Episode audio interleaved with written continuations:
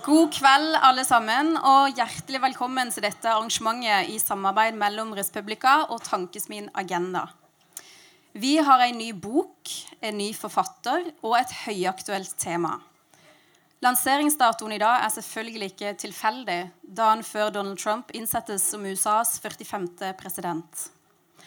Vi har samla noen av de som kan aller mest om amerikansk politikk og amerikansk valgkamp.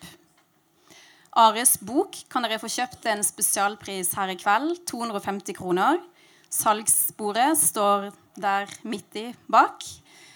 Dere kan betale med kort eller få ettersendt en faktura. Hvis dere vil dele bilder eller meninger om møtet, så må, må dere gjerne gjøre det på Twitter med hashtaggen 'agendakveld'.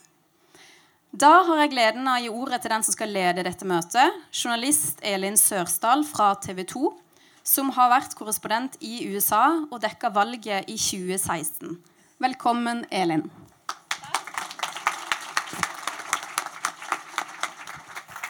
Hei igjen. Det er jo tredje gangen jeg står her. Og siden det er så mange her, så hvor mange har vært på en eller to av de andre kveldene? Ja, Det er ganske mange. Og hvordan endte vi opp her? Hvordan kunne 60 millioner, eller over 60 millioner amerikanere stemme på en mann uten politisk og militær eh, erfaring? Med klare autoritære, autoritære trekk, med kvinnefiendtlige holdninger eh, og som i beste fall framstår som en vits. Det skal vi snakke om, men ikke minst så skal vi snakke en del om hva skjer videre nå som White House eh, blir omgjort til Trump Tower, eller i hvert fall til Trump eh, Palace. Det eh, har vi to paneler som skal eh, snakke om. Men aller først eh, Det var få nordmenn eh, som var på flere valgmøter i USA i 2016 enn Are Togvold Flaten, redaktør av amerikanskpolitikk.no. Jeg tror kanskje jeg Are, var den første som intervjua deg på TV eh, for eh, fire år siden. Under, eh, var, det på, var, det i Chicago? Jeg vet ikke. Fire år senere så var han på TV nesten hver eneste dag. Du har skrevet boka 'Sirkuset'. Clinton, Trump og tidenes valgkamp. Den skal du få presentere. Vær så god, Are.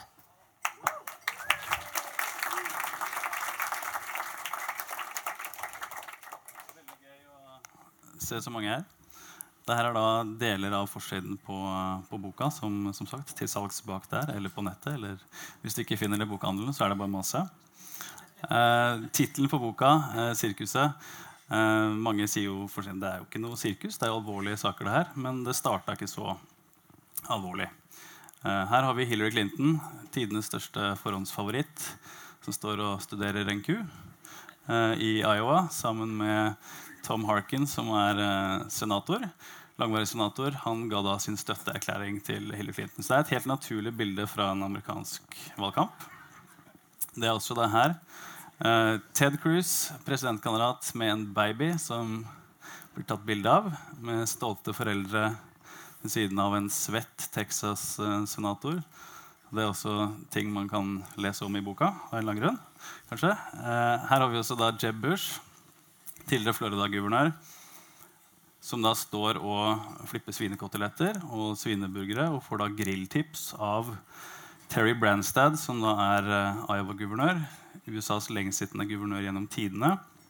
Norsk-amerikaner som skryter at han har tatt det Hurtigruten Cruise flere ganger. Det jeg ikke har gjort. Det er da mannen som også er utvalgt som Trumps ambassadør til Kina. Eh, artig nok. Og Branstad kunne fortelle Bush at du, du, skal ikke snu svineburgerne før det begynner å boble. Og Bush hørte ikke på han og fikk et irettesettende blikk fra Branstad. Her har vi da Hillary Clinton igjen, som står med en svinekotelett på pinne i hånda. Det er altså en helt naturlig del av amerikansk valgkamp, presidentvalgkamp som da starter i Iowa. Eh, hun holder den opp stolt, viser at hun har spist, blitt, uh, spist av den, blir tatt bilde. Og det er en naturlig del av det første møtet med velgerne i Iowa for å vise at du er interessert i å stille som presidentkandidat, og for at, at, du tar prosessen på alvor. Enn så idiotisk det kan se ut i ettertid. Uh, og hun gikk jo da satte seg på privatflyet sitt og fløy til Martha's Vineyard noen timer senere For å komme litt vekk fra disse vanlige amerikanerne. Samme dag så, så var Donald Trump på Iowa State Fair. Eh, også han spiser en svinekotelett på pinne. Eh, naturligvis. Eh, så det er en bok om hvordan den tidligere reality-kjendisen, eh, eiendomsmogulen eh, uten politisk erfaring, da kunne faktisk møte opp der, bli mottatt som en superkjendis, for så å vinne nominasjonen og til slutt valget mot, mot alle odds. 'Sirkus' er også en bok om alle disse mennene og kvinnene som ser en presidentkandidat i speilet om morgenen. av En eller annen merkelig grunn. En av disse er Jim Gilmore, som dere får lese mer om i boka. En, en mann som fikk 28 stemmer i Iowa. Han var allikevel med i TV-debatter. Så vi kunne da samles bak en kandidat som kunne slått uh, godeste Gilmore. Jeg tror også vi kunne slått Lincoln Chafee. Og vi skal ikke le for mye av disse kandidatene, selv om Hillary Clinton avfeide Chafee i en TV-debatt der han hadde han sto og kritiserte Hillary Clinton.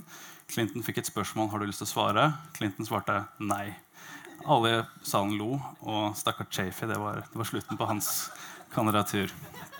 Men det fine med disse kandidatene som ikke vinner, som ikke har noen vinnersjanser, er at det er få amerikanske journalister som har lyst til å snakke med dem. Så de snakker gjerne med norske journalister.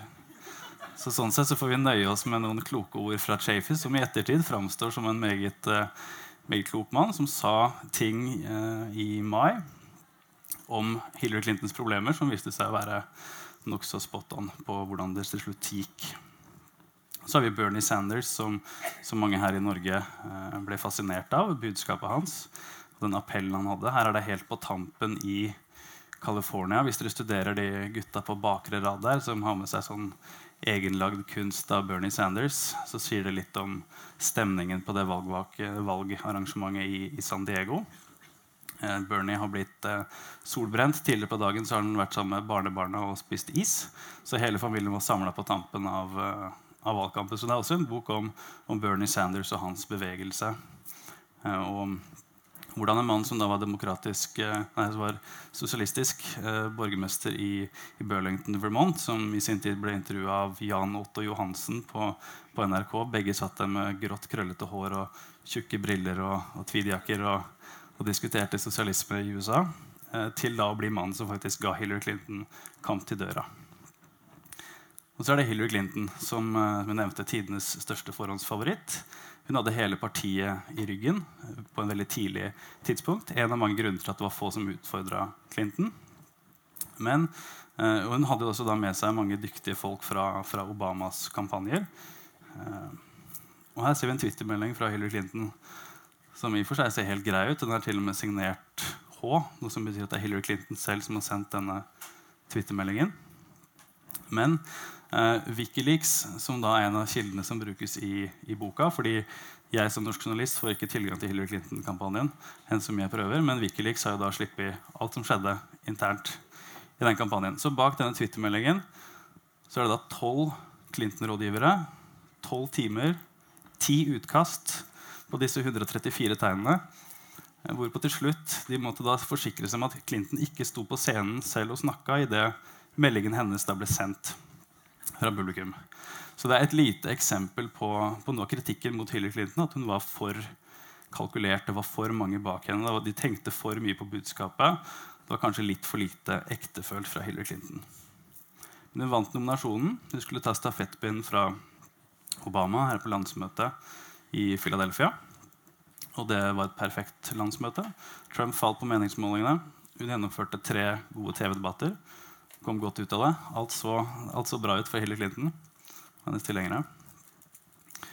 Og så er det Donald Trump på, på Iowa State Fair som, som, storkoser seg. Og her ser vi en av hans Twitter-meldinger. Eh, jeg tviler på det er tolv rådgivere, tolv timer og ti utkast bak den der. Men vi får jo med oss et lite sånn eh, Noe han sier om Ted Cruz, som vi så med en baby eh, i starten. Line Ted.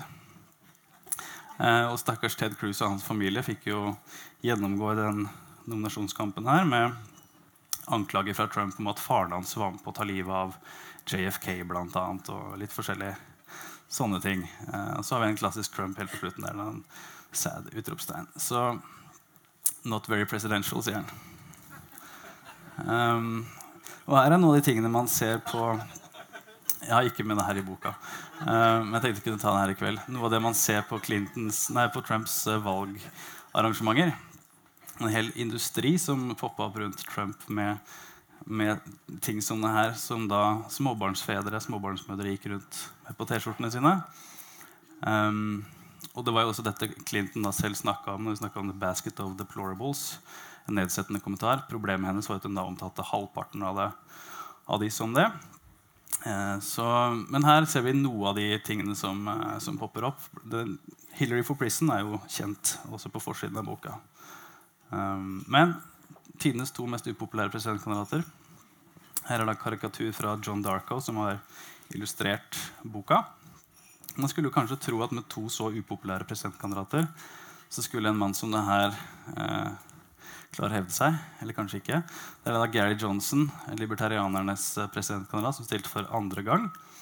Um, her sitter han i Las Vegas. Um, og også det fine med en sånn kandidat det er at han har tid til å snakke med sånne som, som meg. Så istedenfor å snakke om politikk, som jeg spurte han om, så begynte han å snakke om personlige ulykker, eh, og at han hadde planer om å komme til Norge for å drive og hoppe fra fjell eh, og styre, men at han nesten døde og fortalte meg med stor innlevelse om personlig ulykke. Eh, av grunn. Så spurte jeg meg er det, er det en grunn til at du vil deg selv så vondt at du stiller som presidentkandidat. Så tenkte han at han skulle le det bort, men så tenkte han seg godt om. Ja, hm, kanskje.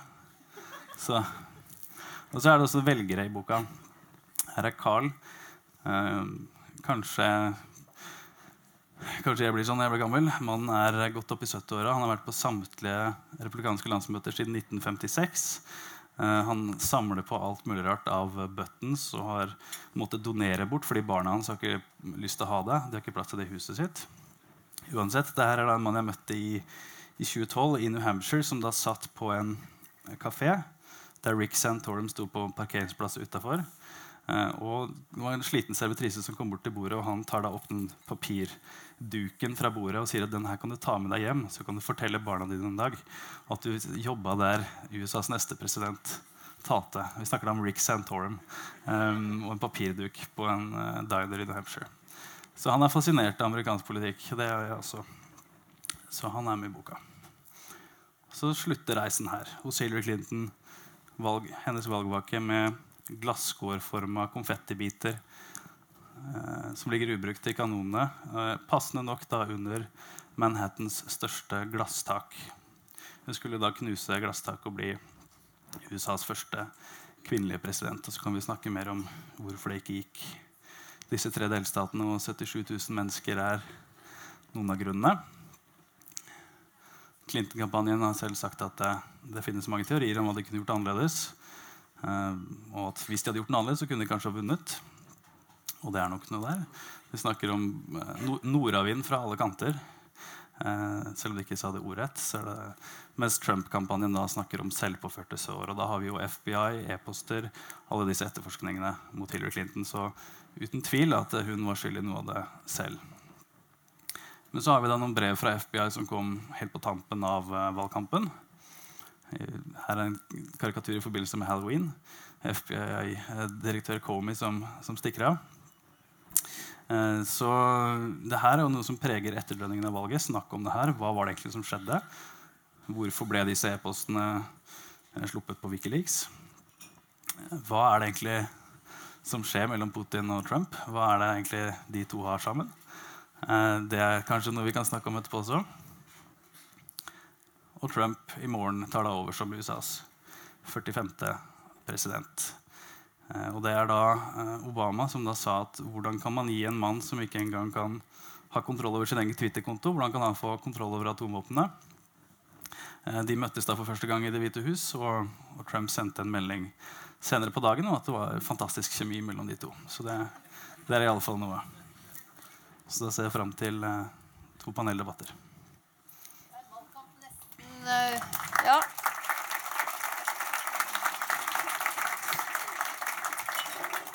Vær så god, sett deg ned, Are. I panelet en valgkamp eh, nesten uten et eh, kjedelig øyeblikk. Vi skal få en liten bukett eh, USA-eksperter opp eh, på scenen og fortsette der hvor du eh, slapp, uh, Are. Jeg tror nesten alle husker eh, hvor de var da det ble klart at eh, Trump ble eh, president. Vi kan begynne med eh, deg, eh, Are. Eh, der har alle kommet seg på plass. Uh, før jeg gir ordet til deg, uh, skal bare presentere resten. Det er uh, Kari Elisabeth Kaski. Du er partisekretær i SV og stortingskandidat. Ja, gjerne litt applaus. Det er flott. Så har vi med oss eh, Eirik Løkke, som er rådgiver i eh, Jeg pleier å si Civita, men jeg har aldri lært om det heter Civita eller Civita. Hva sier du? Det har ikke jeg heller. ok, fint. Og ikke minst Hilde Restad, førsteamanuensis eh, ved Bjørkenes høgskole. Hvis vi går tilbake til deg, Are. Det var veldig jevnt. Eh, veldig få stemmer. 77 000 stemmer som eh, vippet dette i Trumps eh, favør. Hvordan var det mulig? Ja, Det ble jo snakka mye om eh, demokratenes eh, blå mur. Eh, og disse tre delstatene, Pennsylvania, Wisconsin, Michigan, hadde ikke vært bundet av republikanerne siden 80-tallet. Eh, så når Trump da begynte å bruke tid der, så den, ble han litt kritisert for at hva er det egentlig han holder på med. Han kommer ikke til å klare å vinne her. Um, men det gjorde den. Uh, Hillary Clinton brukte masse tid i Pennsylvania. Uh, De holdt jo da sitt siste store valgkamparrangement der foran 30 000 mennesker. Uh, de holdt landsmøte der, så ingen tvil om at det var viktig. Men hun var ikke i Wisconsin i det hele tatt. og selv om Michael Moore, som sikkert mange av dere så på, på TV, det han om, at de måtte ta Michigan på alvor, så brukte kanskje ikke Clinton-kampanjen nok tid der. Men selv om de hadde brukt masse tid i Michigan og Wisconsin, så hadde de allikevel tapt Pennsylvania, der de brukte masse tid. Så en perfekt storm for, uh, for Trump. Uh, og en manglende entusiasme og litt forskjellige potensiale årsaker til hvorfor han vant med så smal margin helt på tampen. Mm. Vi kan gå videre til deg, Kari, og plukke opp det som Are sluttet med her. det litt store bildet. Hva var det som skjedde i USA i 2016 som gjorde at Trump kunne vinne? Jeg tror at vi må se på mer enn bare 2016 ja. for, å forstå, eh, for, å forstå, det. Og det er jo også noe som eh, det kommer sikkert til å bli skrevet enda flere bøker, bøker om. Eh, men det er klart, i det store bildet så tenker jeg at det er eh, viktig å se på kanskje særlig to ulike faktorer. Eh, det ene er at eh, det amerikanske samfunnet gjennom egentlig ganske kort tid har gått gjennom store endringer, der særlig forskjellene, de økonomiske og sosiale forskjellene har økt ganske fort. Én eh, av syv amerikanere lever i, i, fattigdom i dag. Ett av fem barn lever i fattige familier. Eh, middelklassen er, den, er, er på, eh, har ikke vært så liten nu, som den er nå på 30 år. Og, og denne utviklinga har på en måte skjedd bare gjennom de siste fem tiårene. Så det har gått ganske raskt. Eh, parallelt tenker jeg, med eh, et annet perspektiv. Altså, det er jo mange årsaksforklaringer, men jeg har lyst til å trekke frem de her to. for jeg synes de er viktig å ha med oss, oss videre også. Og det andre er på en måte en sånn utvikling av kanskje eh, eh et, et, stadig større ekkokammer i den offentlige samtalen. Eh, og en offentlig samtale som, som blir dårligere, som blir mindre bred der færre deltar uh, samtidig. Paradoksalt nok i sosiale mediers tid. Um, og, og, det er på en måte en sånn eh, fare eh, som man må se etter. fordi når den offentlige samtalen i, en, i, et, i et, samfunn og i en nasjon eh, svinner hen, da eh, blir demokratiet også svakere. Um, så det er på en måte de to elementene som jeg tenker er viktig at, at vi har med oss i den Eh, i analysen av, av, det amerikanske valget. Mm. Eirik, eh, er det ikke så enkelt at etter åtte år med demokratisk styre, så vil en republikansk velger ha en republikansk eh, president, uansett hvor god eller dårlig kandidaten er? Ja, det kan i hvert fall se sånt ut. Altså, årsaken til at veldig mange av oss som sitter her, og andre som gikk under betegnelsen USA-ekspert, trodde at dette ikke var tilfellet denne gangen, var jo fordi at det faktisk var Donald Trump. Man hadde jo litt sånn klisjéaktig sagt at republikanerne kunne nominere Genghis Khan, uh, og folk ville likevel møte opp og stemme på vedkommende. Og det kan jo vise seg som om det er ganske nærme sannheten, nå som Donald Trump, som er en eksepsjonelt uvanlig kandidat, for å si det veldig forsiktig, likevel fikk eh, den store store støtten han fikk blant eh, republikanske velgere. Eh, og Særlig når man ser på bakgrunn av hva som skjedde i nominasjonen.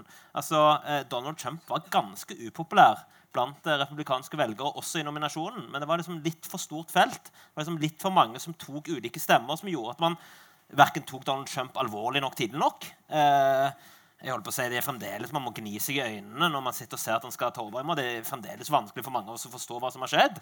Eh, og det var jo enda vanskeligere i begynnelsen. Eh, men pga. at eh, hva skal man si, de etablerte kandidatene litt spilte hverandre ut altså de spilte hverandre ut, så, så fikk Trump overtaket. etter hvert som de republikanske kandidatene falt ut, så steg Trump fram som den kandidaten som da republikanerne måtte ta stilling til. Og, og, da endte man vel opp som republikansk velger og tenke at eh, Trump han er jo historisk upopulær. Det viser jo også målingene nå. at Uansett hvor dårlig denne kandidaten er, så kan det ikke være så gale som Hillary Clinton.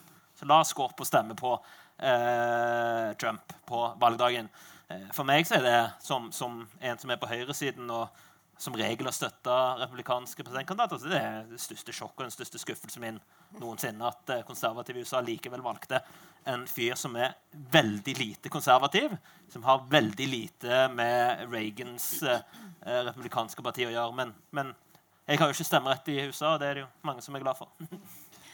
Hilde, det som slo meg da jeg kom til USA torsdag før eh, valget, var jo hvor utrolig lite entusiasme Hillary Clinton eh, skapte blant sine egne velgere, selv om du hadde hørt om, om Clinton-hat eh, osv. Hvordan er det mulig at eh, Hillary Clinton, som da var forhåndsfavoritt, eh, til å, å, å, tape mot Donald Trump? Det lurer vi alle på.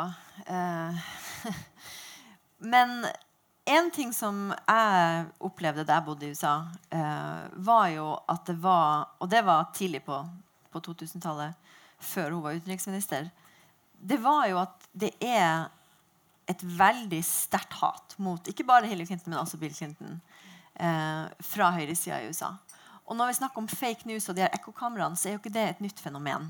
Eh, gjennom hele 90-tallet har det bygd seg opp en sånn slags eh, egen boble av Clinton-hat eh, på den amerikanske høyresida, som har vært eh, veldig irriterende, men ikke egentlig farlig eh, før, før nå. Vi har sikkert alle fått med oss Pizzagate.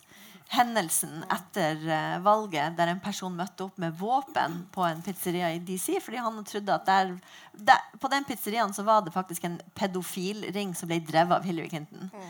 For det hadde han lest uh, i hans nyheter. Eh, så det, det, er noe spesielt med Hillary Clinton som ikke nødvendigvis hadde vært tilfellet med en annen eh, kvinnelig kandidat. Samtidig så var jeg også i USA i 2008, eh, når hun stilte mot Barack Obama. Og det, den måten ikke bare Hillary Clinton, men også Sarah Palin ble behandla på i 2008 fordi de var kvinnelige eh, politiske kandidater, var helt utrolig å følge med på. Eh, kanskje særlig fra en person fra Skandinavia. Så det er det er mange ting jeg sitter og tenker på nå og prøver å fordøye og forstå etter 2016. Men at det er en historie som har veldig mye med det at hun var en kvinnelig kandidat å gjøre, og det at hun var Hillary Clinton, det tenker jeg er veldig, veldig viktig. Mm. Ja, Du mener altså at USA faktisk ikke er klar for en kvinnelig president? Hadde man vært klar for det hvis det hadde vært en annen kandidat enn Hillary Clinton? Det er helt umulig å si. Uh, men det uheldig for, for vår del, som skal separere variabler og finne en årsaksforklaring, at hun var en kvinne som var Hillary Clinton. Eirik? USA var helt åpenbart klar for en kvinnelig president. og Husk det er 70 000 stemmer i tre delstater. Hillary Clinton fikk nesten tre millioner flere stemmer enn Donald Trump. Så USA var helt åpenbart klar for en Hadde det vært noen endringer eh, James Comey hadde holdt seg for god for å sende dette brevet, så tror jeg det hadde vært helt, og da hadde denne debatten vært helt annerledes. At eh, kvinnelige kandidater i USA helt åpenbart har større barrierer og en vanskelig situasjon, eh, det er jeg helt enig i. Eh, og en kommentar akkurat til dette med, med, med, med fake news og konspirasjonsteorier. Altså, en av de mest kjente, ikke de mest kjente sånn konspirasjonsteoretikerne i USA, Infowar og Alex Jones, Jeg husker jeg ble så sjokkert når jeg så Donald Trump stilte opp der. Altså Dette er en person som er liksom to hakk for å tro at verden styres av øgler og 9-11. Ja, men jeg tuller ikke.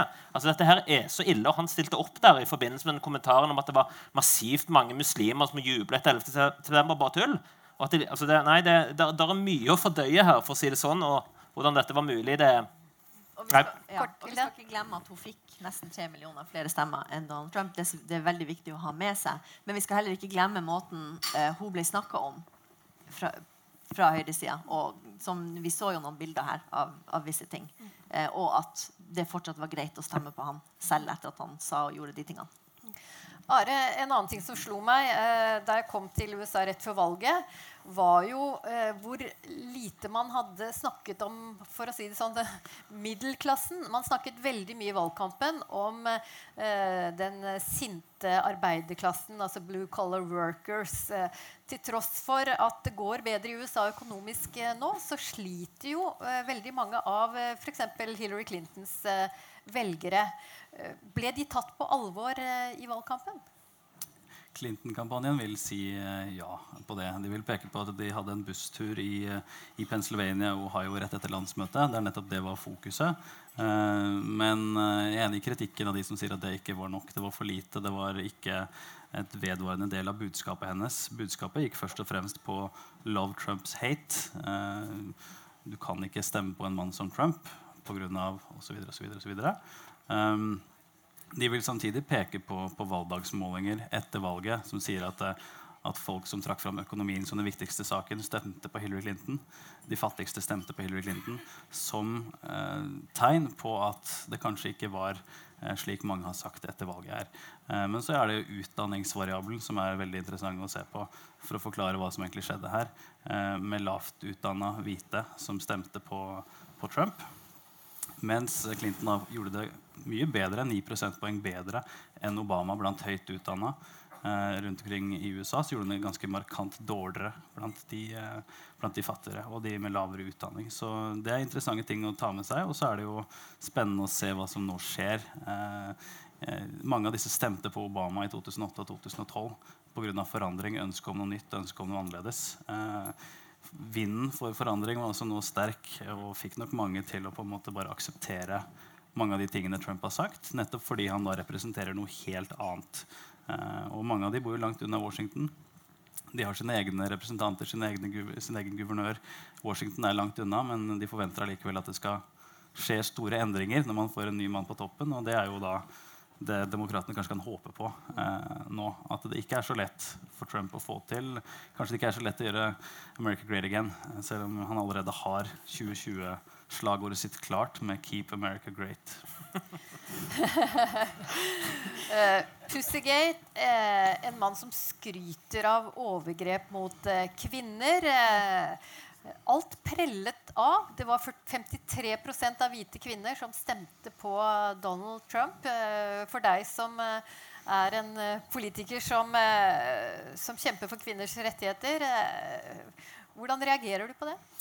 Nei, og Det er jo det andre aspektet som er ganske viktig at vi, vi fortsetter å, å diskutere. fordi en ting er også ting er hva som har skjedd, en annen er også hva som blir å skje framover. Her har du valgt en, eh, en av verdens mektigste eh, menn nå, som, som etter, på mange måter etter min klare mening er med på å legitimere en sånn type både kvinnehat, eh, eh, rasistiske ytringer eh, autoritære eh, standpunkter. Og det, hva det vil ha å si for hvordan kampen for de her si, liberale eh, og ganske viktige verdiene i et demokrati vil være fremover, det, det er jeg ganske usikker på og bekymra over. Jeg, jeg bruker å si jeg er født ved, ved murens fall, eller litt før murens fall, eh, og vokste opp gjennom en sånn der tiår av optimisme. Og plutselig så sitter man i en situasjon hvor veldig mange av de, de verdiene jeg tror kanskje mange, særlig i min generasjon, har tatt for gitt,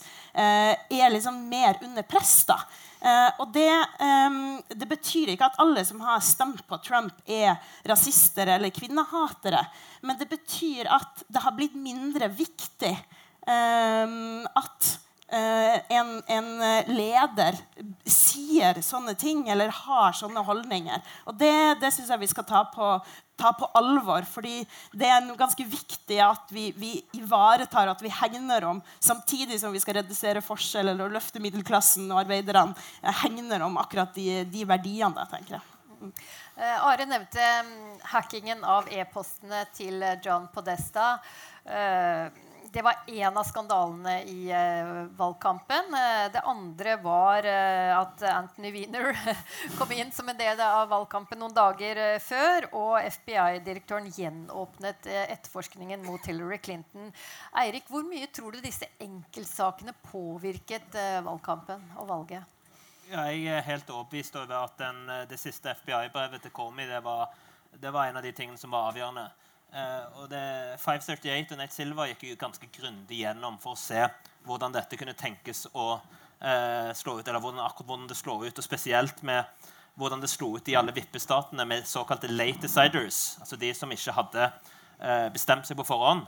Og de gikk i overveldende mye mer grad til Trump enn til Hillary enn hva, hva som var tidligere antatt. Eh, og eh, selv om Trump hadde begynt å ta seg litt inn på meningsmåling allerede før dette brevet, så fikk det en, en, en ganske tydelig signal. Eh, så, så, at det spilte en viktig rolle, og hele Wikileaks eh, Wikileaks-lekkasjene og det faktum at pressen brukte så mye tid på det altså Dette var en alvorlig nok sak, eh, men hvis du tar liksom alle de skandalene som eh, Trump hadde med e-posten så ble det en slags sånn falsk ekvivalens. Så du får liksom det paradokset at selv om det var omtrent ingen i pressen som likte Trump, og som virkelig ikke håpet han skulle vinne, så får du allikevel det der forholdet at du skal prøve å balansere litt. Eh, at ja, Du har på den ene siden skandalen med Trump, og så har du skandalen til Hillary.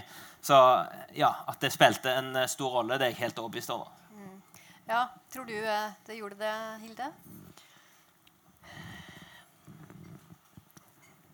Jeg tror at republikanerne har et poeng når de sier at hadde ikke Hillary Clinton i utgangspunktet vært uforsiktig, f.eks. ved å bruke privat server, så hadde ikke dette vært noe poeng ever. Det hadde ikke blitt et problem for henne. Så hun må ta en del av skylda for det. Men når det er sagt, så er det mange ubesvarte spørsmål eh, som bringer oss inn i et veldig sånn mørkt og skummelt område, som handler om eh, FBI-direktøren sine intensjoner.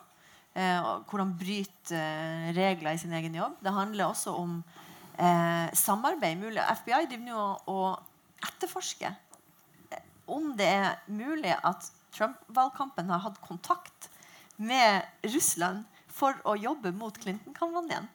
Det, det, er liksom, det, er så vanskelig å forstå hva det er som skjer. For det er så utrolig mange ting som har skjedd. Og det, når du snakker om nordavind fra alle kanter, Ares, er jo det et veldig godt poeng. at det her var, For Clinton-kampanjen hadde ganske mye nordavind. Um, men det må, jeg bare, jeg tenker at det må være surrealistisk å være den første kvinnelige presidentkandidaten og så stille det mot en person som stadig vekk sier kvinnefiendtlige ting, og allikevel så vinner du ikke med god margin. Mm. Det, det, hele fjoråret er en sånn et surrealistisk sirkus, hvis du vil, eh, for å bruke boktittelen din, som alle må, må kjøpe. Eh, som hver, hver, gang du stiller et spørsmål, så, så, tenker jeg bare på tre andre ting som også var viktige, og som er forvirrende, og som man bare ikke forstår hva som har skjedd. Kanskje vi må få det litt på avstand? Vi må få det på avstand. En, en ting som, som, jo virkelig plager nå ettertid, det var jo at Komi da valgte å sende det brevet, som da enten man, uansett hvordan man karakteriserer, spilte en rolle. Det var en innblanding i politikken. Så ville man sagt at det ville vært hvis han ikke hadde gjort det, og man hadde kommet fram til at det var noe i disse tingene. Men det var jo da betegnende å høre at CIA og andre deler av intelligence community også hadde klare konklusjoner om at Russland prøvde å blande seg inn for å ødelegge kampanjen for Clinton, men ikke blande seg inn. Og det, det gjør vondt eh, i ettertid når man ser at FBI eh, sin, sitt brev, altså kom i sitt brev, det fikk eh, betydning, men CIA valgte å holde seg tilbake fordi at de ikke ville blande seg inn.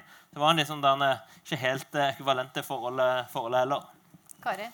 Ja, det er jo veldig spesielt at hvis du skal for noen år siden ha sagt at eh, ja, men, du kommer til å få en situasjon der uh, Russland griper inn i den amerikanske valgkampen, og så sier den valgte presidenten at nei, det tror jeg egentlig ikke, det vil jeg ikke forholde meg til, eller det tror jeg ikke på, det får ikke noen konsekvenser. Altså, Det er ganske surrealistisk. Du hadde ikke trodd på det. Og det, det er ganske hva skal si, betegnende også for hva slags signaler man gir til andre land. Men, men uh, Erik og Hilde kan, kan bedre enn meg akkurat uh, det detaljene rundt det, men et element som jeg tenker er ganske viktig likevel, og som på en måte må bringes inn i hvordan kunne på en måte sånne type enkelthendelser da påvirke valget, handler om at den amerikanske befolkninga sin tillit til amerikanske politikere er, er, enormt lav og har blitt veldig mye lavere. Så det, Sårbarheten er så mye, mye, større. Og det henger jo sammen med at, at uh, amerikanske politikere, særlig på nasjonalt nivå, i, i, større grad har blitt hva man skal si, det har blitt en fjernere fra folk flest, fra befolkninga. Um, man har blitt i større grad en, en elite, uh, og som jo folk ikke lenger opplever at representerer dem på samme måte. Og, og, og, og, så kan du sikkert diskutere andre grunner til at denne tilliten har blitt så, så svekka, men det, det, tenker jeg er liksom viktig varsku. For i Norge så er tilliten til politikere heldigvis fortsatt ganske høy. Men det hva som skjer i et samfunn da når den tilliten brytes ned, eh, det ser vi på en måte i USA i dag. Og det, det får jo sånne vanvittige konsekvenser av at du stempler på en måte politikere og etablerte politikere som har brukt altså virkelig, kan, Jeg er uenig med Hillary Clinton og, og, og, mange av de andre amerikanske politikerne både på republikansk og demokratisk side. og mye, men Mange av de er folk som tross alt har dedikert livet sitt i, i, nasjonens tjeneste og brukt eh, tid og energi for å skape et, et samfunn som de har trodd på. Eh, og, og likevel da bli på en måte satt til side av denne ufattelig rike personen som kommer inn, som er så elitistisk og har på en måte gullkraner på badet og, og bilder av sønnen på en sånn plysjløve. Og det, det, er altså et sånt makabert bilde på en måte på hvordan eh, man velger eh, en elite over en annen, eh, og hvordan de folkevalgte og politikerne har mista ufattelig viktig tillit i befolkninga. Jeg mener at du på et tidlig tidspunkt Are, sa at denne e-postskandalen den uh, var ikke så viktig. Den uh, brød ikke folk seg om. Uh, men både den og brevet fra Comey fikk jo en innvirkning. Ja, utvilsomt. Um, men om det ikke hadde vært for Wikileaks, og at disse e-postene hadde blitt hacka og sluppet og publisert, så tror jeg Clinton-kampanjen på mange måter kalkulerte riktig i starten med å si at her er det ikke noe. Her må vi prøve å, å snakke om andre ting. Uh, I den demokratiske nominasjonskampen var det jo, var det jo en sentral sak pga. Bernie Sanders. Bernie Sanders som, og det var pga. noen taler som Hillary Clinton hadde holdt og fått massevis av penger for like før hun stilte som presidentkandidat. hvorpå da Bernie Sanders sto med noen papirer og sa jeg har, jeg har en stor overraskelse til dere. Det er en stor hendelse i valgkampen.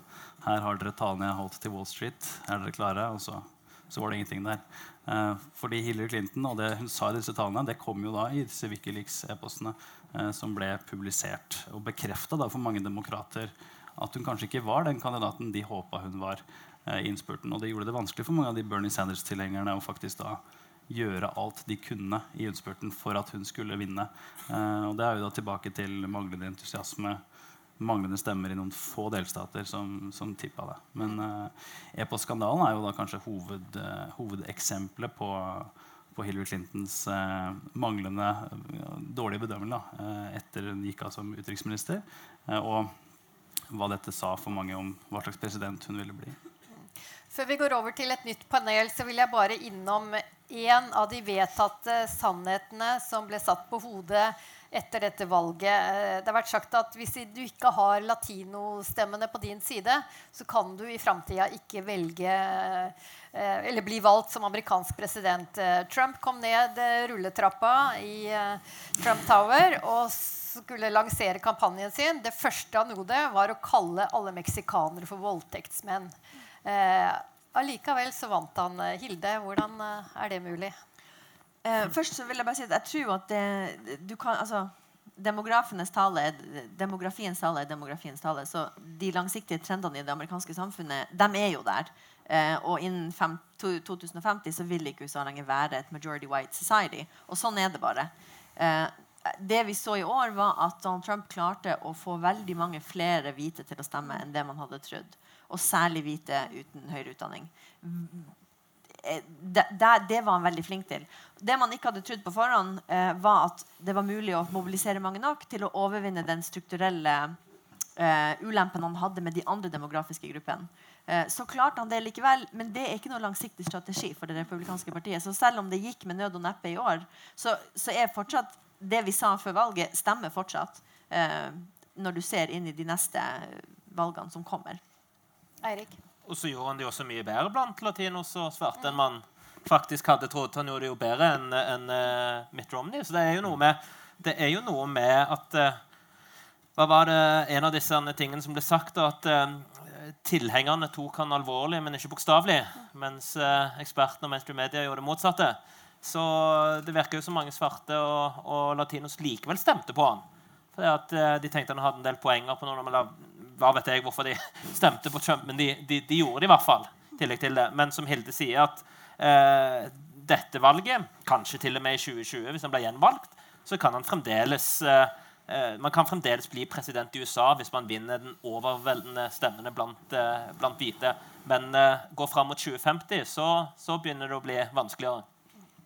Vi har vært inne på uh, meningsmålinger så vidt. Uh, kan vi stole på amerikanske meningsmålinger i enkelte delstater, f.eks.? Are? Rigged. Alt sammen. Men er de gode nok? altså, jeg vil si at meningsmålingene var Eh, nokså gode. Eh, Nate Silver, som Eirik har nevnt, har jo, har også påpekt at de faktisk bomma med mindre margin enn i 2012.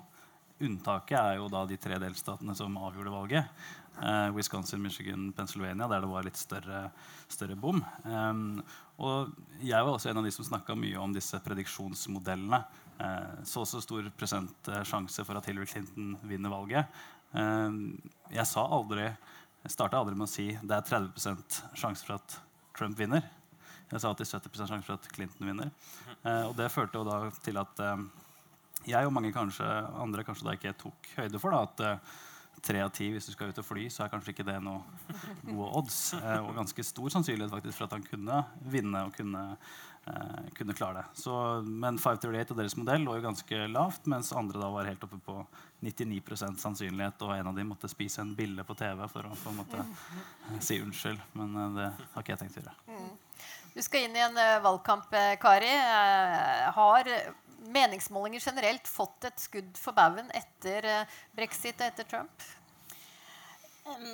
Jeg er liksom frista til å si nei, egentlig. fordi jeg tror både når det kommer til brexit og Trump, så tror jeg nok meningsmålingene ga oss mer indikasjon enn det vi var villige til å, å, lese ut av det. Og det er litt sånn som Are sier, at vi kunne ha lest det, og, og mange gjorde det òg, eh, fra, fra, meningsmålingene før valget i USA. Og så skal man jo eh, likevel huske på at Hillary vant the popular vote. Eh, det var på en måte riktige delstater Trump greide å vinne. Eh, samtidig igjen som jeg tenker vi skal huske på at republikanerne fikk flertall i Kongressen og Senatet. Det er på en måte et sånt eh, skifte. Eh, og det tror jeg blir interessant å se framover kanskje også på, på en måte standpunktene, verdiene til det amerikanske folket, som vil ha mye å si også for, for graden av gjennomslaget til, eh, til, Trump i tida framover, og hvordan samfunnet vil utvikle seg. Du ga stikkordet, Kari. Eh, se litt framover. Det skal vi gjøre nå. Mens vi får et nytt eh, panel opp her, så kan dere få lov til å ta plass der nede. Og så kommer dere tilbake igjen når vi skal komme til spørsmålsrunden.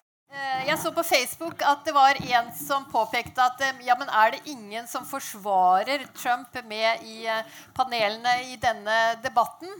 Eh, jeg vet ikke om det er noen som forsvarer Hillary Clinton heller, men vi har i hvert fall en eh, republikaner her. Selv om du, du, du støtter ikke Trump, Christian? Nei, det gjør jeg ikke. Men jeg, jeg er stolt republikaner. Det har jeg ikke tenkt å begynne å, å, å, gå fra nå heller. Men det er klart at hjertet mitt sitter her og gråter litt når jeg ser hvor Reagans og Lincolns parti har tatt veien. Samtidig som jeg har en forståelse for, og kanskje sånn litt sånn i etterkant, så skjønner jeg veldig godt hvorfor Donald Trump ble valgt. Det er bare å se på litt av forholdene eh, som er i USA. Hvis du ser på en eh, statistikk som eh, Pew Research Center eh, lanserte nå for eh, et års tid siden, som viste da at eh, tre fjerdedeler av amerikanere eh, hadde lav tillit Nei, det var faktisk mer. Det var Tre fjerdedeler av amerikanere mente at eh, amerikanske politikere satte sin egen interesse foran landets interesse. 20% av amerikanere eh, hadde lav tillit til eh, makten i eh, Washington. Eh, og Det er i grunn i hvert fall deler av forklaringen på hvorfor Donald Trump eh, klarte å vinne eh, valget om å bli den frie verdens eh, fremste leder. Hvilken følelse sitter du med i magen nå bare timer før Trump eh, blir innsatt? Ja, hva skal man si? Altså, jeg tok og putta en Reagan-button i, i jakka mi i dag. Jeg bare tenker liksom ja, det, altså Jeg syns ikke dette er noe gøy, rett og slett. Men samtidig så tenker jeg liksom at det er fire år til det skal skiftes ut. Og det er jo det spennende her, å tenke litt sånn fram i tid. Eh, hva skjer om fire år? Hvor lenge holder Trump? Altså Nå er det mellomvalg eh, om en, eh, en stund. Eh, hva skjer med de som da kom sent til for å støtte Trump? Hvor lenge holder de ut hvis han gjør det han har gjort hele veien under eh, valgkampen, og fortsetter eh, litt sånn i, i, eh, som en sånn løs kanon? Og det er ikke sikkert det kommer til å skje.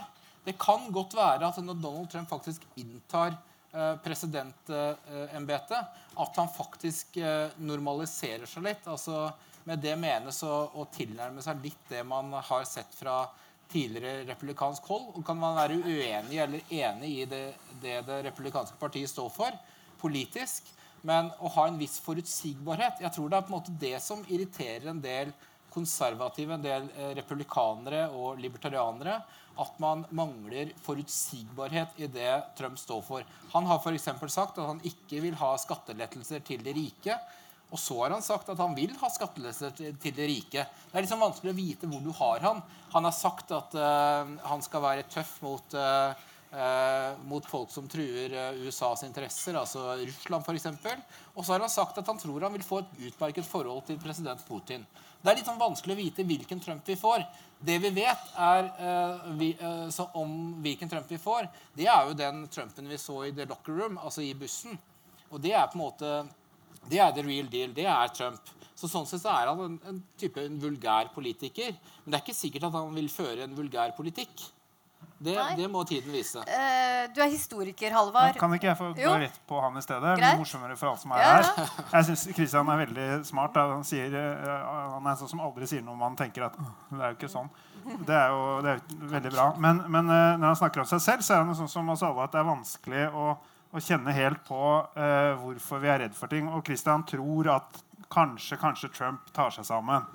Ikke sant?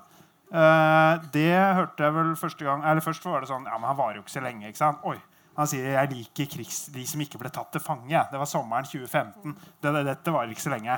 Og så, og så, begynte det å gå bedre. ikke sant? Så kom vinteren, og så var det sånn Ja, men nå skal vi se, nå skal vi se at, eh, at, at nå begynner stemmegivningen. Da, nå kommer det synker alvoret inn. vet du. Nå er ikke noe som han der.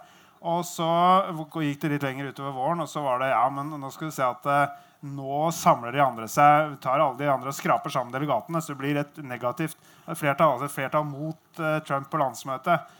Og så, så ja, Det ser ikke ut som de klarer Han har egentlig flertall. Jo, men det kan være at noen av delegatene kan fristilles. Har du tenkt på det?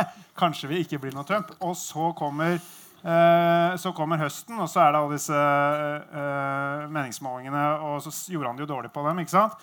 Og så tror jeg Det er så det er jo ikke gjetta så mye riktig siste året, men jeg har latt være å gjette om dette. Jeg har sittet akkurat her eh, dagen før valget og sagt Are, hvor er det? Eh, hvis tre av ti fly faller ned, tar du, tar du fly da? Eh, og det, det, fikk jeg heldigvis noe bra eksempel den dagen. Men eh, så ble han jo valgt da. ikke sant? Og så er det, ja, men i Electoral College kanskje det er noen der som kan eh, være eh, faithless electors. Nei, så var det ikke det heller. Også, men, også, ja, men han, virkeligheten synker nok inn. og Han har hatt møte med etterretningen og fått brifing. og Nå ser han litt alvorlig og rysta ut. Nå synker det inn. Og så går det liksom fire dager. Ja, og dere er akkurat som Nazi-Tyskland. Men Christian, det går nok bra! Det kommer til å ordne seg! Det blir ikke noe problem. Problemet er Problemet er at det republikanske partiet har mistet fotfestet ideologisk. De, har mistet, de holder på å miste det demografiske fotfestet. Det holdt denne gangen å bare satse på hvite menn, med ca. 100 000 til sammen i tre stater. Eh, de har et kjempeproblem, og det gjør at de kommer til å vakle og fyke litt hit og dit med da eh, en løs kanon som, som ledestjerne. Jeg tror ikke det kommer til å bli noe særlig ordentlig ryddig i det hele tatt. Det. Ja. Nei, altså, Skal du svare på det det før vi går videre? eh, Halvor, nå Jeg starta nesten med å bli mer Jeg hadde enig- ikke noen andre å Nei, nei, nei, Jeg starta nesten med å bli- bli mer enig med deg enn meg selv nå. Men, men poenget er at okay, kanskje jeg blander litt sånn tro, håp og kjærlighet her. Uh, og ja, jeg skal innrømme at jeg var blant de som hele tida, om ikke trodde, så håpet at det skulle snu seg. At uh, det skulle være krefter i det republikanske partiet som skulle klare å liksom turn around uh, dette her. Dette som skjedde. Eh, for det, det var jo på en måte en fryktelig hendelse som da spredde seg. Eh, og, men når jeg sier at jeg tror det kan gå bedre enn frykta Jeg tror ikke det på en måte vil bli noe Armageddon med Trump som president. Jeg tror det fortsatt vil være massiv kritikk mot eh, den politikken han fører. Jeg tror vi kan Altså Alle kritikere av Trump, og de finnes det mange av, kommer fortsatt til å hakke løs og synes det er helt forferdelig det han gjør. Men så tror jeg at uh, det kommer situasjoner og La meg nevne ett eksempel. Jeg tror Sikkerhetspolitisk, som er et område som jeg er svært interessert i eh, og For å reklamere litt for Gambit, så jobber jeg med det eh, for Gambit. Så tror jeg at der kan det oppstå interessante ting. Skumle ting også. Fordi jeg tror at eh, folk kan teste Trump og den nye administrasjonen. Eh, hva skjer eh, hvis, Donald, hvis eh, Vladimir Putin, Russlands president, eh, velger å legge ut et åte for Donald Trump? Velger å teste han?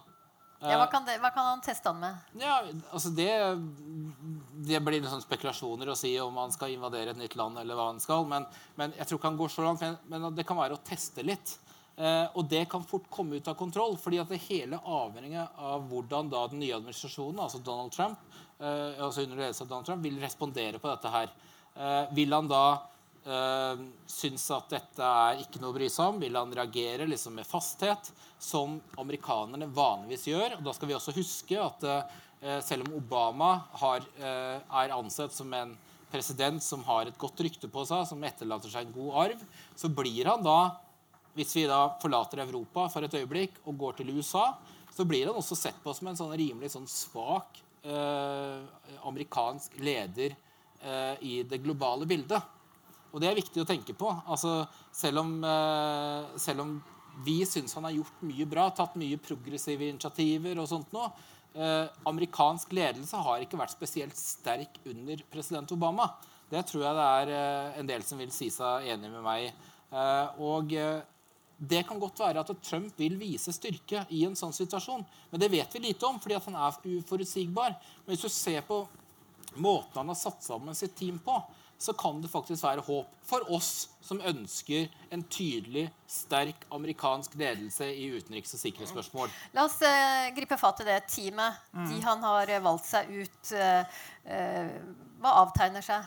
Nei, for det, det, det er, eh, De er jo veldig tydelige personer, men de er kanskje ikke alltid sånn tydelige helt på samme side. Altså, Noen av dem er tydelige ikke på samme side som Trump. Eh, den kommende FN-ambassadøren Nikki Haley. Ja, Nikki Haley. Hun eh, uttrykte vel en del syn som da var ganske forskjellige fra Trump, bortsett fra Midtøsten og eh, Paris. Og så er det James Mattis, den kommende forsvarsministeren, som sa at hvis ikke Nato hadde eksistert, så måtte vi ha funnet det opp. Det er jo litt andre toner enn Trump, som syns at Nato er veldig dyrt. Eh, og så, eh, han, han er også for en tostatsløsning i Midtøsten. Så er det Flynn som skal være sikkerhetsrådgiver, som da verken antageligvis kommer noe særlig godt overens med Mattis personlig. De har, de har litt sånn ulik plass i uh, militæret eh, fra, fra Forsvaret. Ulike syn på ting. Og han, eh, han har en annen, et annet syn på Russland, og Mattis vil eh, ha en konfronterende linje mot Russland som ligner mer på det Pence sa i visepresidentdebatten. Rett før Trump sa ja, men det har vi ikke snakka om. Han snakker ikke for meg. Så det, det spriker jo i alle retninger. Og det som man kan tenke er et håp, da, er at de kanskje ikke kan samle seg om så veldig store handlinger som kan få store konsekvenser. Men det kommer an på da om Trump eh, lener seg tilbake og lar disse holde på litt, eller om han velger seg sånn som det ofte blir da, velger seg favoritt i systemet. Det er sånn at Presidentene kan velge litt hvor de legger makten i, i uh, sikkerhetspolitikken og utenrikspolitikken. At de lener seg mer mot ofte mot de som er i Det hvite hus, da, sikkerhetsrådgiveren, de uh, siste tiårene, og mindre mot utenriksministeren, som, som godt kan bli nokså tannløs. Uh, sånn at her ligger det muligheter i et ganske bredt spekter av hva som kan skje. Fra det som, som Christian beskriver som en sannsynlig, sannsynlig for så vidt, og som, som uh, noe som ikke vil i hvert fall skape store endringer. Det er å lene seg på Mattis, uh, jeg tror. Uh, uten, forsvarsministeren. og så Hvis Flynn får bestemme, så er jo han en, mye mer en sånn alternativ stemme som, som kan piske opp mer. Så Eh, det er ingen grunn, til, ingen grunn til å ta det med ro, syns jeg. Men, eh, men, eh, det er ikke noe kult at, at, at, den frie verden ledes av en løs kanon. En løs kanon er jo en betegnelse på noe som ikke sitter fast i skipet. Men poenget er at presidenten er jo skipet. Ikke sant? Det kan ikke være en løs kanon. Det er alt det andre som er løst. Så fall. Så, han, han, han, har et dårlig forhold til etterretningen sin. Etterretningssjefen har vel også kommet med litt andre synspunkter enn enn det Trump har. Sier at uh, han ikke høre på ham hvis han blir beordret til uh, å drive tortur, f.eks. Hvis jeg fikk med meg riktig. Så, uh, og det er jo kjempeskummelt. Da, hvis Putin tester Trump, så får jo Putin, nei, får Trump vite det av etterretningen. Da må han faktisk lese disse brifingene, som han syns er lange og, og, og ofte. Så vårt håp er kanskje at hvis Putin tester Trump, kanskje ikke Trump får vite det.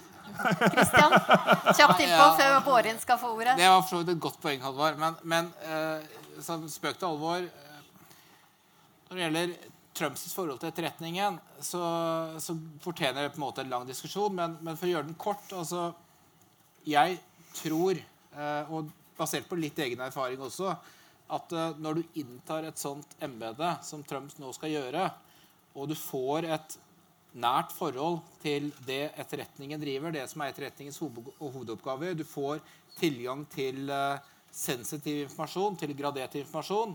Så vil du også få en viss voksenopplæring. Jeg har selv sittet i, i Stortingets utvidede utenriks- og forsvarskomité. Og du får jo på en måte litt øynene opp da, for ting. Ja, Det virker jo ikke sånn om det har skjedd om, til nå. da. Han har Nei. jo fått flere brifinger og nekter jo, å ha det daglige. Fått, han har ikke fått de brief, altså Han har ikke fått fullstendige brifinger, for det får du ikke før du faktisk sitter i embetet. Eh, så, så, kanskje håpet ligger litt der også. Altså når det går seg til litt hvis det går seg til, Halvor. Mm. Og det tør ikke jeg spå noe om. Nei, Jeg har ikke spådd at det ikke går seg til. Jeg bare sier nei. akkurat som at Trump kan bli valgt. Det kan være det går skikkelig gærent. Vi må ikke ta jo, med ro. Men erfaringsmessig er det sånn når du får tilgang som altså Etterretningen driver med kritikkverdige ting sikkert mener noen, i hvert fall her, siden det blir arrangert av Agenda, vil jeg tro. Men de driver også med real business. altså De, de vet hva de driver med. Og Så kan man mislike det eller ikke, men de klarer å hente ut god intel, altså god informasjon. Eh, og klarer å på en måte tegne opp et bilde, et kart, som viser hvordan virkeligheten er. da. Altså Ikke sånn man tror virkeligheten er, men hvordan faktisk virkeligheten er. Hvordan det henger sammen. Og hvis da, eller når da Trump får tilgang på den informasjonen, så kan man da håpe at det vil justere kursen hans på visse sikkerhetspolitiske eh, ting. Eh, og endre i hvert fall noen måter han ser det på. I hvert fall Der ligger et håp. Kan jeg skyte inn uten å ha ja. hørt hele resonnementet? Vi har snakket om både etterretning og Trumps eh, linje overfor eh, Putin. Ja. Jeg får skyte inn at jeg er enig med det at han kan eh, det skal være en slags voksenopplæring, men det avhenger også av at han har sikkerhetsbrifinger hver dag. Og det har han jo selv sagt at han ikke trenger. Men i disse to sakene så uh, har han jo også eh, store deler av det republikanske partiet uh, og Kongressen mot seg. Hva vil det bety? Nå har han jo sjansen til å faktisk få igjennom politikk. og Det er jo en litt sånn unik situasjon å være i. Men uh, allerede så ser vi jo at det er gnisninger mellom f.eks. dette her med Kongressen sier da at de vil sikre tilgang til uh, helseforsikring, mens han da har snakket om dekning. At alle skal få, få dekning uh, helsemessig. så allerede så ser vi jo de der uenighetene.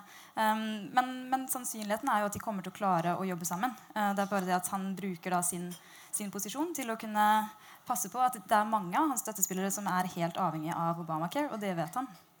Hvis vi tar de første 100 dagene, eh, begynner med deg, Vårin. Eh, hva kommer han til å fremme? Hva kommer han til å få igjennom? Vi vet at han har kommet med masse løfter om hva han skal gjøre. Ikke bare de første 100 dagene, men også den første dagen. Um, og det går på mye våpenlovgivning, det går på innvandring og det går på mye av de utøvende ordrene som da Obama har gjennomført. Um, men hvis vi skal se på det som er realistisk, så, så, kan vi jo se på det han allerede har gjort. Og det har jo vært å, å arbeide for at arbeidsplasser skal uh, forbli i USA og ikke bli sendt ut av landet. Blant annet så har han jo da sikret at Carrier, selskapet i Indiana, ikke sender uh, arbeidsplasser ut mot da skatteletter. Og det kan jo være en indikasjon på at det er der han kommer til å fokusere. Christian? Altså Det han må levere først og fremst på, og, og så fort som mulig, og som han egentlig har begynt å levere litt på, et, eh, ettersom Ford har sagt at de ikke vil eh, flytte, flytte nye fabrikker til Mexico, det er arbeidsplasser. Altså Det er jo Kjernevelgerne til Donald Trump er jo uh, rustbeltet. Altså det er jo uh, folk som føler seg forbigått av begge partier. Som føler at uh, tiden har stranda. At uh, de ser at butikkene blir nedlagt, de ser at arbeidsplassene blir nedlagt, de ser at det er ikke håp. Og, da henvender de seg til, til, en som lover dem at nå skal det bli endring. Og som da ikke har noen nødvendigvis noen rød tråd i sin politikk, men som da sier det de ønsker å høre. så, så jeg tror at han vil måtte levere på noe som har med arbeidsplasser altså virke tøft der. Der har han jo en viss handlingsfrihet som president òg.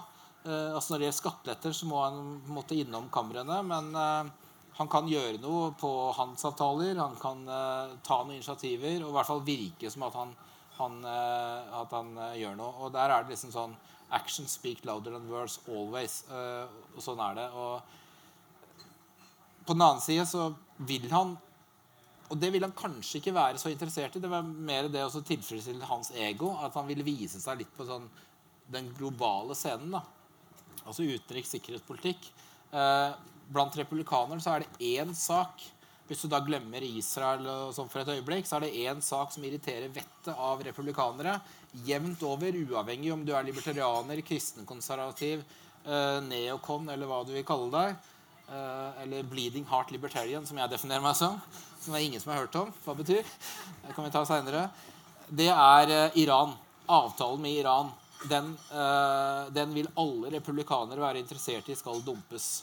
Og at man skal vise mye større hardhet, fasthet, mot Iran. uavhengig av om det på en måte har noen praktiske konsekvenser, om det fungerer etter hensikten. Men det irriterer vettet av republikanere, uavhengig av hvor man står. Eh, sånne ting vil han måtte levere på. Obamacare, selvsagt. Eh, og nok en ting som liksom eh, Sorry to break your hearts, men Obamacare, helsepolitikken i USA, ses på helt annerledes i USA enn i Europa. I Europa så syns vi dette er en fantastisk idé. Hvorfor har man ikke gjort dette tidligere? Vi hyller Obama for å ha tatt et sånt initiativ. I USA så er debatten helt annerledes. Til og med Hillary Clinton uh, har uh, vært ganske kritisk til måten uh, den har blitt fremlagt på. Så Der vil det også komme endringer. Halvard?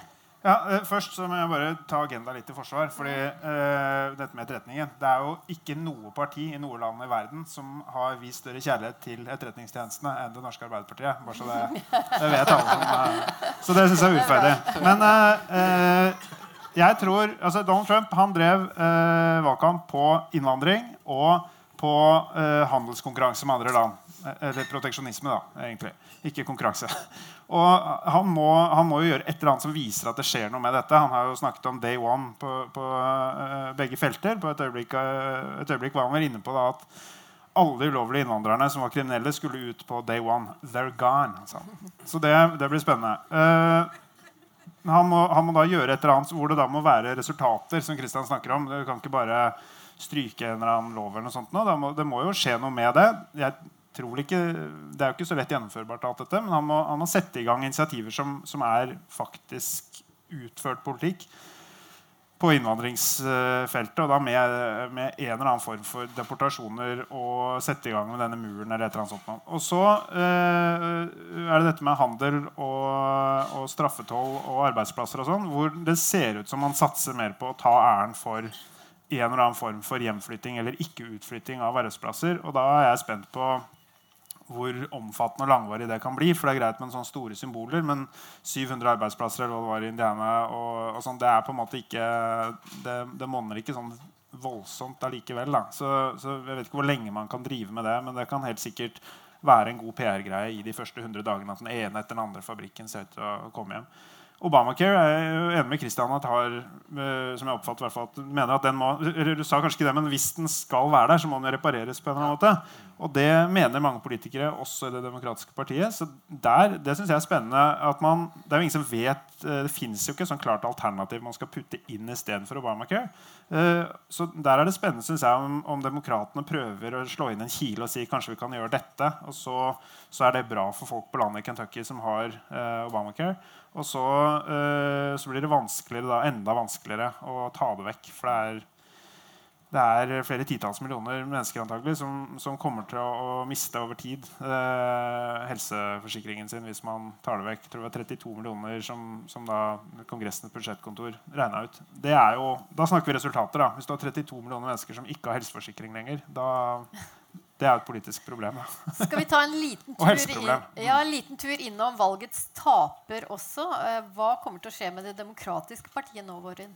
Ja, Vi ser jo sånne forsøk da, på å ta den plassen som eh, Obama har uh, fylt. Bl.a. fra uh, Cory Booker, senator fra New Jersey, um, som da var den første da, senatoren til å, til å ikke da støtte justisministerkandidaten Jeff Sessions. Vi så jo ham sammen med borgerrettsikon John Lewis um, under høringene i, i Senatet. Um, hvis, ikke, altså, hvis ikke man ser på han, så har det jo blitt pekt på Kamala Harris, som da er blitt vant, uh, valgt inn i California, var tidligere justisminister der. Um, men det, har jo, det er jo veldig altså, åpent i Det demokratiske partiet. Det er ikke noen åpenbare nye ledere der. Og vi ser jo også at det har vært en stor, et stort vakuum mellom Obama og Det demokratiske partiet. Det har ikke vært sånn at han har dratt med seg partiet. Han har vært, eh, jobbet mye alene. eh, og det ser vi jo også på valgresultatet da i, i år. Halvard? Hva var spørsmålet igjen nå? Demokratene? Demokratene. Hva skjer? Ja, de husker jeg. De, eh, Clinton-perioden er tydeligvis over. Ja, ja, ja, nei, jeg husker de der. De, de har veldig problemer nå. Det, det, dette har jeg lest om. Eh, nei, de er jo, Jeg sa at republikanerne har mistet fotfestet, men det har jo på en måte demokratene også. Fordi de trodde at de skulle seile inn i en sånn ny demografisk, altså folkesammensetningsmessig eh, tidsalder hvor Uh, flere ble det man i USA kaller brune. Og, og, altså minoriteter av et eller annet slag. Og hvor de hvite blir færre, og dermed bare vokser de nesten av seg selv. bare de fortsetter som i dag, Og klarer å balansere på en eller annen måte de som er lenger ute til venstre og er mer progressive, og vil ha en mer eh, sosialdemokratiaktig økonomisk politikk. Og de som er mer som eh, Hillary Clinton-sentrumspolitikere. De, det er vanskelig å balansere, men hvis man er i fremgang, så er det lettere. Men nå virka jo ikke det. Så de vil jo få en skikkelig dragkamp internt mellom de som mener at man skulle satset på Sanders. Sanders-fløyen må bli den nye kjernen. Eh, og de som tross alt har de viktigste posisjonene i partiet, som eh, mener at eh, man må fortsette som et litt sånn moderat sentrumsparti med hvor venstresiden får litt. Grann. De to vil nå kjempe for eksempel om den som skal være formann i parti, nasjonale partikomiteen. en slags partisekretær. Der får vi et sånt første svar nå i vår på, på hvilken vei eh, vinden blåser i partiet. Og så vil senatslederen for eksempel, sitte og, og, og dra imot hvis de progressive får det. Kristian, du skal få siste ordet før vi slipper dere til. Kjapt. Nei, altså Bare for å bruke et eksempel, da. Altså, eller først Hillary Clinton var sannsynligvis den verste kandidaten demokratene kunne stille med. Uh, altså, alle republikanere trodde, uavhengig av hvilken leir de sto i, at de skulle klare å vinne over Hillary Clinton uansett. For hun representerte eliten. Hun representerte alt det, alt det vonde med Det demokratiske partiet. Og da, da sitter ikke jeg og kommenterer hennes politikk, men altså, hun representerte på en måte det de ikke ville ha. Eh, og jeg var på det siste valgmøtet med Donald Trump eh, før valget, altså eh, ute på et jorde i en låve i Virginia. Jeg spilte de Lynyrd Skynyrd og Van Halen på et dårlig PA-anlegg. Og dagen etter så, så var vi i Philadelphia og så Hillary Clinton og Obama og Michelle Obama og John Bon Jovi og Bruce Springsteen som fylte hele liksom, bytorget i Philadelphia. Det var det første som funka. For det andre var eliten. Altså Det var liksom 'arrest my case'. Fordi at det understreka nok en gang poenget om at de trengte dette her for å, å, å vinne. De, de, de, måtte ha støtte av altså Springsteen og Bon Jovi, elite. Obama, elite. altså Hele det poenget der. Mens de andre kjørte liksom ja, Det var ganske sånn drøvtygging på det valgmøtet til Trump. altså. Men når Trump kom ut, så så de at det var liksom the real deal. Altså Enig eller uenig, og jeg var stort sett uenig i det han sa. for å bare understreke det, Men det var liksom noe ekte over det. Og der har du liksom Bernie Sanders også. Uh, at det var ektheten. Uh, og, det smerter meg nesten å innrømme det som liksom sånn hardcore libertarian, uh, Frp-er, å si at Bernie Sanders var liksom det var noe ved han, altså. The real deal. Ja, det var the real deal. Altså Den eldste kandidaten, den mest venstrevridde kandidaten i hele løpet. Eh, han, han, representerte noe ekte. altså Det som sto opp mot det som var. altså Det bestående, noe som representerte noe nytt. Uh, og Det, det syns jeg er interessant. Men jeg har to kommentarer til. hvis jeg rekker å si Det ja, Det ene er på innvandring. Uh, så tror jeg man har undervurdert hvor stor den saken er.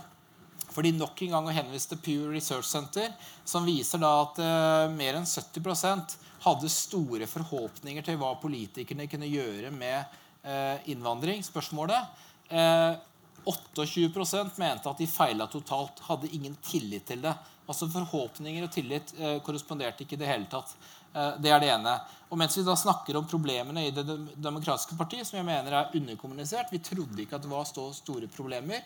Så er det jo også utfordringer for Det republikanske parti, som bl.a. En, eh, en klok mann som David Frum har skrevet eh, flere bøker om. Men ta ett eksempel som vil utfordre Det republikanske partiet på spørsmål som vi er veldig opptatt av her i, i Norden. Eh, og det er sånn verdispørsmål. Homofile ekteskap, f.eks.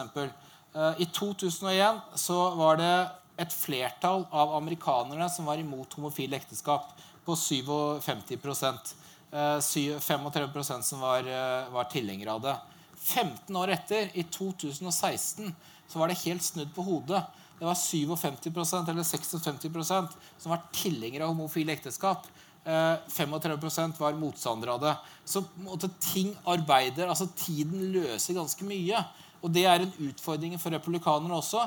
At uh, man må nødt til å tilpasse seg den virkeligheten man lever i. Selv når man er konservativ republikaner. Mm. Uh, ja, Elite, Trump, innvandring, hva som helst kan dere stille spørsmål om. Vi gjør det sånn at dere kommer opp hit, stiller dere i kø. Dere kan stille spørsmål til uh, både de som sitter her, og de som var med i det forrige panelet. Det er bare å fyre løs. Hvem vil være først? Ja, kom igjen, da. Er det en som kommer der, eller skal Ja, kom igjen. Ja, ja. Eh, dere har jo ikke snakket noe om eh, eh, fagforeningsutviklingen i USA og hvilken betydning det eventuelt hadde for valget. Jeg, jeg hadde en eh, interessant samtale med en replikaner i julen fra Ohio. Og han nevnte at uh, det var egentlig ikke så mange bedrifter fra rustbeltet som hadde flyttet ut. Men de hadde flyttet til, ned til sydøststatene. Fordi at der var det ikke sterke fagforeninger.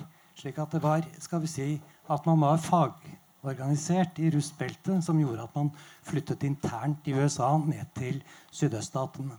Det han også nevnte, var at uh, oppe i State Washington så var det faktisk nå elementer av Boeing som ønsket også å gjøre den flyttingen internt i USA, fordi at der oppe er fagforeningene sterke. Så er det noen tanker rundt dette? Hvem vil begynne? Halvard? Ja, dette er jo et kjempepoeng som, som er, i hvert fall er underkommunisert i, i, valgkampen. Og Trump sa her for noen dager siden at det er samme for han om bedriftene flytter seg dit eller dit, bare det er i USA. Og Det sa han ikke så veldig mye i valgkampen. Og Det er jo sånn at det reguleres på delstatsnivå hva som er kravene til eh, organisering på arbeidsplassen. Man snakker om right to work laws, altså eh, at du skal kunne jobbe et sted uten å ha et visst forhold til fagforeningen. Og det, er, eh, det, får han ikke gjort noe med. Det vil han nok ikke gjøre noe med heller. Eh, hans kandidat som eh, arbeidsminister tyder på at han i hvert fall ikke bryr seg så veldig mye om det. Så du har rett. mm, godt spørsmål. Vi tar neste spørsmål. Eh, ja, jeg prøver meg på et spørsmål. Eh, nå har det jo vært snakka om at eh, Russland kan ha hatt innflytelse på valgresultatet. Eh, mer enn hva mange liker. Er det noen eh, fare for at eh, det er noe som eh, vil skape noen sirkel ved senere valg, og på sikt eh, eh, gjenta seg og, etter hvert undergrave demokratiet både i USA og, andre land? At eh, andre eh, nasjoner som Russland eh, blander seg inn i det litt skjulte? Begynner med deg, Kristian. Det er jo et veldig godt spørsmål, og så er det også veldig vanskelig å svare på. Eh, men eh, jeg, tenker at eh, det, det skal man være veldig var for i årene som kommer. Og jeg tror, uten at jeg skal liksom avgjøre hva som er rett eller galt i, den spesifikke saken her, så tror jeg man skal være veldig sånn Ha veldig åpne øyne for hvordan et regime som eh, det sittende russiske regimet oppfører seg, og hvilke hensikter de har. Eh, og det er ikke nødvendigvis sånn at krigen foregår med skarpe våpen og, og, og ladde rifler, eh, men at det kan skje på helt andre måter. Og at man har en interesse av å blande seg inn i, i, i, demokratiske valg og, og, få en føring på prosesser. Det vet vi fra før. Vi vet jo f.eks. at et parti som eh, Front National, som da får vi håpe ikke klarer å vinne det amerikanske presidentvalget med Marine Le Pen nå eh, senere i vår, eh, men som har da fått lån og økonomisk støtte fra Russland. Eh, det vil da si at hvis man får økonomisk støtte fra Russland, så er det jo godkjent av eh, den sittende administrasjonen. Eh, altså Verre er det ikke. Så at man må se mer av dette her eh, og, og være litt mindre naive enn det man kanskje har vært tidligere, det tror jeg er helt eh, åpenbart. Vårin? Men jeg må også si at det er litt naivt å snakke om det som noe som skjer i framtiden. Det, dette skjer jo nå. Det var jo også Ja, du ja, inne på. beklager, ja. Men, men, eh, men eh, vi ser det i Sverige ikke sant? med diskusjonen om å, å gå inn i Nato. Så ikke, at, at Russland driver påvirkningsoperasjoner for å påvirke opinionen der. Vi ser at allerede har de klart å undergrave valget i USA. Om de har klart å påvirke valgresultatet eller ikke, vet vi ikke. Men det er jo ikke noe tvil om at altså den demokratiske partiledelsen for eksempel, har fått undergravet tilliten sin. Eh, og vi ser det også i Tyskland, eh, som allerede har eh, gått ut da, med bekymringsmelding om, eh, om valget som er forestående der. Noen flere? Der. Hei. Mitt spørsmål er først og fremst til Are, men hvem som helst kan jo få prøve seg på det. Eh, amerikanerne liker jo å omtale seg som verdens største og beste demokrati. Og jeg lurte på om dere mener at nå som Hillary vant eller fikk popular vote da, med nesten tre millioner stemmer, om det er, kommer til å svekke det amerikanske demokratiet, eller hvordan det blir sett på rundt om i verden. da. Det var jo en del eh, debatter rett etter valget om dette valgmannskollegiet. At du, du må vinne 270 valgmenn. Det har ikke noe å si om du vinner eh, hver eneste en i, i. Eh, og litt, eh, litt snakk om det. Og det er jo kanskje bra at man får friska opp i hvordan valget faktisk gjennomføres. Eh, og det, var jo ganske ironisk før valget så, og i innspurten så ble jo Trump spurt igjen og igjen kommer du til å akseptere valgresultatet. Eh, Det ble ikke sagt kommer du til å akseptere nederlaget, men det var det som lå litt under. Eh, og det at Hillary Clinton da ikke først aksepterte nederlaget på valgnatta, og at eh, Barack Obama faktisk tok en telefon der han til Clinton-kampanjen og, og understreket viktigheten av å akseptere eh, nederlaget. Og Obama har gjort et poeng av det å snakke om at det var et fritt valg. At Trump faktisk vant valget. Og så får vi jo snakke om eh, hvordan Russland eventuelt eh, påvirket det, og hvordan de, disse faktorene påvirket hva velgerne tenkte om det. Eh, men demokratene er fullt klar over eh, valgmannskollegiet, og de, de snakka veldig mye om at de hadde knekt koden, eh, og at de hadde mange veier til, eh, til Washington, og at Trump hadde en meget smal en, men den fant jo Trump. Det, det kommer jo ikke til å forandre seg. For grunnen til at Det er sånn, det er jo ikke en matematisk feil. det er liksom ikke, ikke Valgmannskollegiet er ikke ved et uhell blitt sånn at uh, man kan få en sånn situasjon som nå. Det er jo med vilje. Det er akkurat som at når det er stortingsvalg her om, uh, om ikke så mange måneder, så er det for de av dere som måtte ha adresse i Finnmark, så har dere litt mer skyv enn uh, de av oss som har det her i Oslo. fordi Sånn har vi gjort det fordi ikke sentralt strøk skal bestemme alt. Og USA er det enda litt mer sånn fordi det er en føderalstat. Så man får noen geografipoeng og noen menneskepoeng. Og I Wyoming bor det en halv million mennesker, men de har vel omtrent eh, dobbelt så mye vekt tror jeg, som en californier. jeg husker ikke tallene helt i hodet, men det blir vel 3 mot 55. eller et sånt. Og så er da forholdet mellom befolkningen er 1 til 80. Så er det eh, 3 til 55 kan de som er gode til å regne, jobbe med det. Det er med vilje. Det skal være sånn. Og hvis det skal forandre seg, så må alle de små statene si greit, nå har vi hatt sånn lenge, det var bra for oss, det var litt urettferdig. Vær så god, California og Texas og New York og sånn. Så kan de som tror på det, så kan de, da kan de snakke videre om det. Eh, Nestemann. Ja, hei. Eh, Et spørsmål litt i samme kategori som forrige her, da. Men eh, til panelet. Jeg lurer på om hva dere syns og hva dere tenker om, om demokratiet. Eh, Er, er seieren til Donald Trump et symbol på et velfungerende demokrati? Eller er det et symbol på et demokrati i krise? Her er det mange forskjellige meninger. Kom igjen. begynne med noe veldig sånn banalt. da. Altså Demokrati er jo fortsatt det beste vi har. Altså Alternativet er mye verre. Men po poenget er at eh, jeg tror det handler om kommunikasjon. Eh, jeg tror det handler om at eh, Donald Trump klarte å appellere til en mye større gruppe enn det man i utgangspunktet trodde. Han klarte også å få et ganske stort innhugg i unge eh, velgere.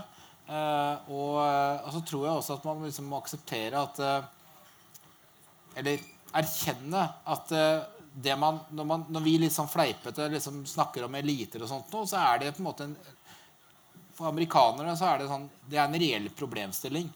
Hvis man f.eks. leser en bok som eh, 'Hillbilly Elegy' av JD Vance, som jeg anbefaler alle å lese, eh, som er en, et memoar av en, eh, en kar som er litt over 30 år gammel, eh, og som egentlig ikke har noen livshistorie, annet enn at han kommer fra Kentucky og skriver om hvordan det er å være hillbilly.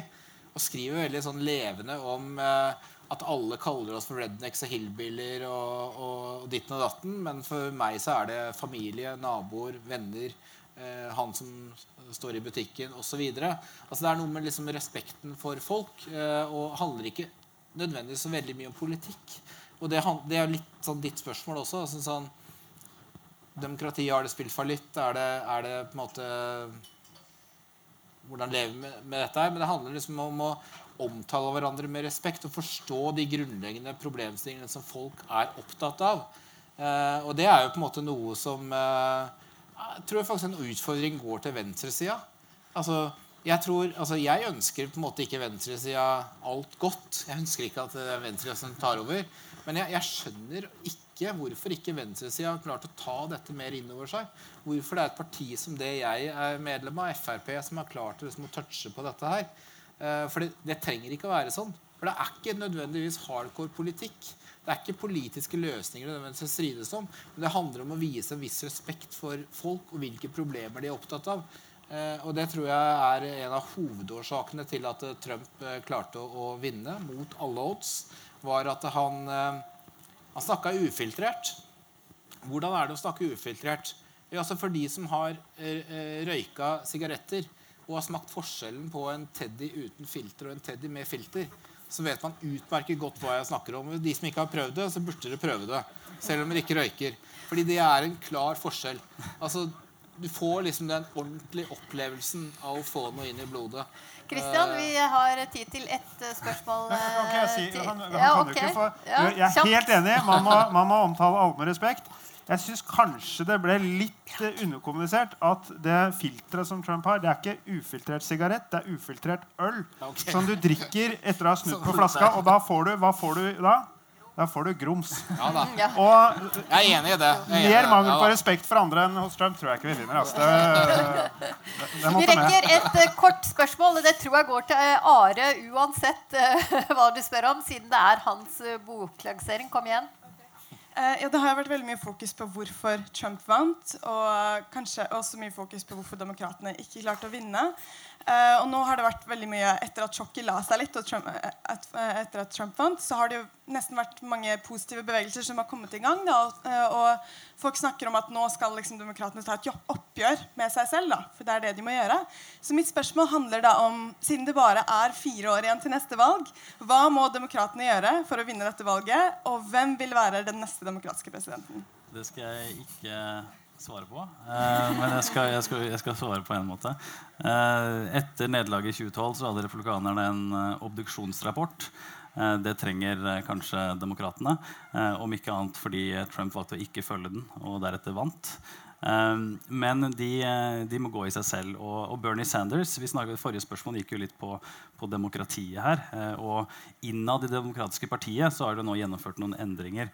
Uh, at det, superdelegatene, eliten i partiet, skal ha litt mindre vekt ved neste valg. Det skal gjøres noen få endringer i, i nominasjonskampen. Og da håper jo da Bernie Sanders og hans folk at det kanskje neste gang så velger de kanskje en person som er litt nærmere eh, grasrota i partiet. Og at det kan være med på å, å, føre til at de kan vinne mot en mann som Trump. Eh, det som er fascinerende med Bernie Sanders, som jo eh, mange liker her eh, i kveld, eh, det er jo det at han klarte også da å, å irritere Trump. Han utfordra Trump til en TV-debatt i California. Trump trakk seg. Um, det må være en eller annen som tør å gå litt rett på, og som ikke er redd for å si det han tenker, uavhengig av hva som står i partiplattform eller hva tidligere partiledere måtte mene om saken.